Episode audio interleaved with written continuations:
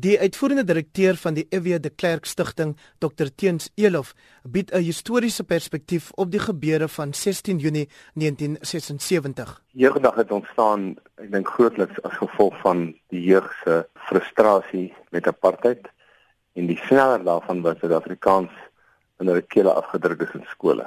Maar daar is ook 'n ander kant aan Afrikaans se rol gedurende apartheid, sê Hein Gerwel, trustee van die Jakes Gerwel Stichting waardeur sy pa se nalatenskap as letterkundige, akademikus, sportliefhebber en nasiebouer lewendig gehou word. Al het was die uh, teenkant in Afrikaans as 'n taal van onderrig die vonk wat die protesaksie formenteer het, moet ons ook net uh, kennis dra en ook altyd probeer onthou dat daar baie Afrikaans sprekende soos onder andere Ashley Creel, Beyers Nudie, selfs my pa, moet ek ook maar noem wat die groot onderdrukking van die regering gesien het as die probleem en nie uh, Afrikaans self as as die taal nie.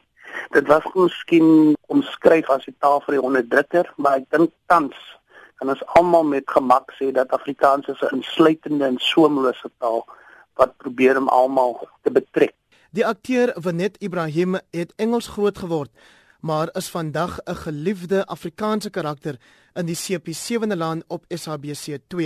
Ons wat nou Engels groot geword het en baie mense wil nie glo dat daar brein mense is wat Engels groot geword het. Dit was nogal um, 'n um, probleem want um, mense het Afrikaans gesien as the language of the oppressor ja, dit was nog 'n moeilike tyd in ons lewens en dit was 'n 'n aardige tyd. Ek het nou weer ver oggend gesit en kyk van the, the Trojan Horse en so en dit het my net weer hartseer gemaak. Die Trojaanse perd voorval waarna sy verwys, het in Oktober 1985 plaasgevind toe die veiligheidspolisie op betogende jeugdiges in Athlone in die Kaapse Skiereiland losgebrand het. Drie jeugdiges is in die voorval dood. Maar dit gesê en dat dit alles verby is, ek wil net sê ek is bly ek het Afrikaans leer praat want dit is een van die mooiste mooiste tale vir my.